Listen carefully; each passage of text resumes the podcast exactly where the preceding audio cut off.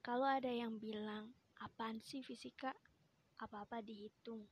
Orang naik motor, kedalaman goa, orang lagi naik lift, kurang kerjaan banget. Jawab aja kayak gini, sebagai sebuah pembelaan buat yang suka fisika. Fisika itu ada baiknya, karena mengajarkan suatu proses yang berkonsep.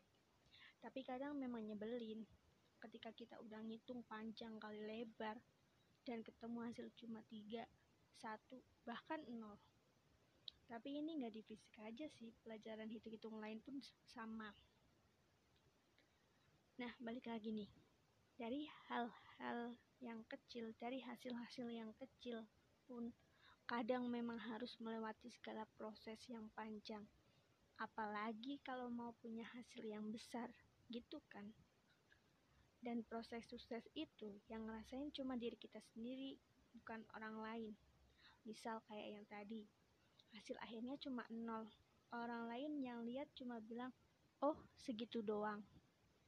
Sama kayak kesuksesan, saat hasil yang kita raih itu sedikit, padahal kita udah mati-matian, usaha, doa yang kenceng, orang lain pasti akan bilang, oh segitu doang.